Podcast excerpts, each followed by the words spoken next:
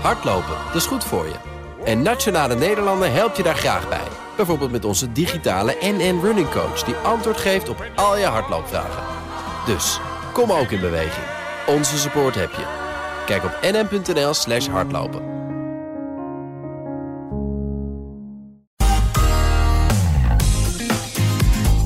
Ongevraagd advies. Brussel begint een inbreukprocedure tegen Nederland vanwege de spoorwegconcessie verleend aan de NS. Want sinds de privatisering krijgt de NS het alleen recht om het belangrijkste spoornetwerk uit te baten. En daar zijn andere vervoersbedrijven het niet mee eens.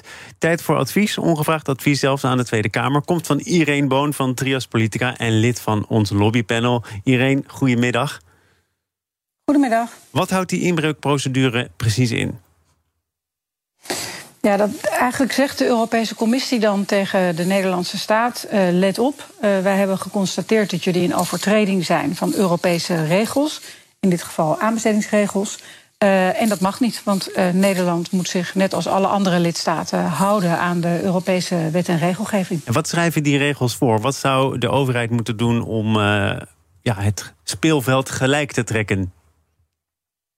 Ja, de, het gaat, de inzet van deze, deze inbreukprocedure is de uh, concessie die aan de eh, NS wordt verleend. Dus dat is een concessie voor tien jaar, het alleenrecht om het spoor te mogen exploiteren. En dat, zijn, uh, dat is een overheidsopdracht. En in de regel is het zo dat overheidsopdrachten van een zekere omvang, waar deze dus bepaald onder valt, opengesteld moeten worden voor concurrentie, voor bedrijven ook uit andere landen van binnen de EU. Eh, dus er moet gewoon marktwerking en mededinging komen, zodat de, degene die het spoor mag exploiteren, dat doet tegen de beste prijs-kwaliteit verhouding. Dat is eigenlijk de gedachte.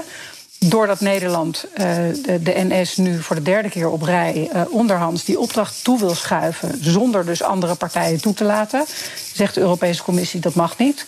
En dan krijg je eerst een, uh, een correspondentiewisseling. Er worden wat briefjes of mailtjes uitgewisseld. Maar op een gegeven moment kan dat ook leiden tot een procedure voor het Europese Hof van Justitie. En uiteindelijk ook tot hele fikse boetes. Dus het, is, uh, het komt vaker voor, zo'n procedure. Maar het is ook weer niet zo dat er helemaal niks aan de hand is. Maar wist de verantwoordelijke staatssecretaris, de missionair staatssecretaris Heijnen... dat ze zich met het onderhands gunnen uh, aan de NS dit allemaal op de hals had kunnen halen? Ja, zeker. Dit, uh, dit dossier loopt al veel langer. Uh, het, het, eerste voornemen om die concessie opnieuw te verlengen is alweer, uh, ik geloof, drie jaar oud. en de staatssecretaris zegt ook nu, ja, ze moeten zich daar eigenlijk helemaal niet mee bemoeien, want wij, mogen dit gewoon doen. er is eerder al op aangedrongen dat het Europese Hof zich eens over deze vraag zou buigen. En mag dat nou wel of mag dat nou niet? En daarvan uh, zegt de, de, staatssecretaris, nou is helemaal niet nodig, want uh, wij kunnen dit gewoon doen. En dat is best uh, een opmerkelijk standpunt. Um, want het Europese Hof van Justitie is er toch niet voor niks, zou je zeggen. Maar mag ze zich ook beroepen op de, de, inhoudelijke kant van de zaak? Want ik heb in dit debat ook wel voorbij horen komen. Ja, maar het is ook beter als de NS het doet. Want we hebben zo'n fijnmazig netwerk. En dat moet je niet willen opknippen. Daar schiet niemand wat mee op. mag dat een reden zijn om, om Europese procedures iets minder makkelijk ter harte te nemen? Uh, nee, het, omgekeerde is eigenlijk het geval. Er komt een uh, pakket aan maatregelen aan dat juist die versnippering tegen moet gaan. Uh, en het middel daarbij is marktwerking. Dus er wordt, de gedachte is eigenlijk omgekeerd. Hoe meer marktwerking op het spoor, hoe meer concurrentie, hoe beter dat netwerk eruit komt te zien. En um, wat je de staatssecretaris ziet doen, is eigenlijk een beetje een race tegen de klok lopen nu. Want die uh, extra strenge maatregelen die zijn er binnen nu en twee jaar. En als je dan die concessie nog onderhands ja. toe wil schuiven aan de NS, wordt het een stuk moeilijker. Dus dat probeert ze echt uh, snel en voortvarend nu erdoor te drukken.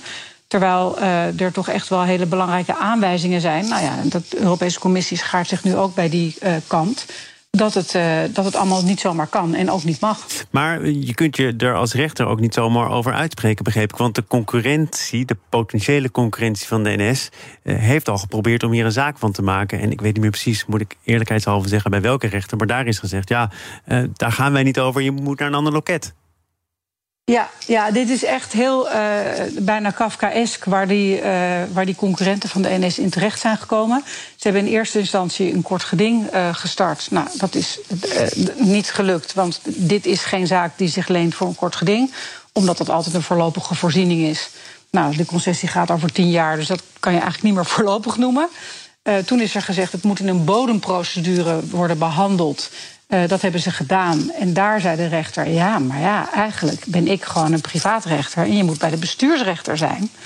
Uh, en die kan pas oordelen als de concessie eenmaal verleend is. Dus ook die bodemprocedure heeft die concurrerende partijen niet gebracht wat ze hoopten.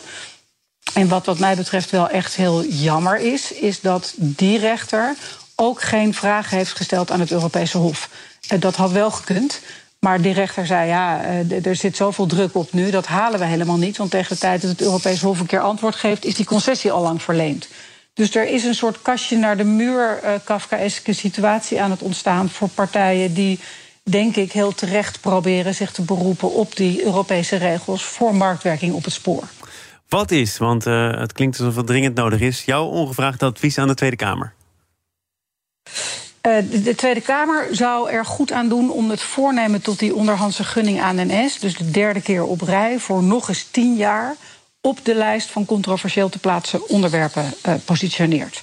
Daarmee uh, gaat de staatssecretaris het niet redden om nog even snel die concessie erdoor te drukken. Dus dat zal ze buitengewoon vervelend vinden. Maar de volgorde is hier toch echt eerst het oordeel van een Europees Hof afwachten en dan pas overgaan tot gunning. Want anders gaat er heel veel belastinggeld uh, uh, door de play.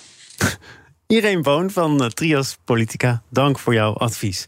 Wil je ook het vorige advies horen? En dat ging, of je het nou wil geloven of niet, over Financial News Radio. Omdat ze volgens Robert de Boek vissen in dezelfde vijver als BNR. Zoek dan naar ongevraagd advies in je podcast-app en abonneer je vooral even om geen advies te missen. Hardlopen, dat is goed voor je. En Nationale Nederlanden helpt je daar graag bij. Bijvoorbeeld met onze digitale NN Running Coach... die antwoord geeft op al je hardloopvragen. Dus, kom ook in beweging. Onze support heb je. Kijk op nn.nl slash hardlopen.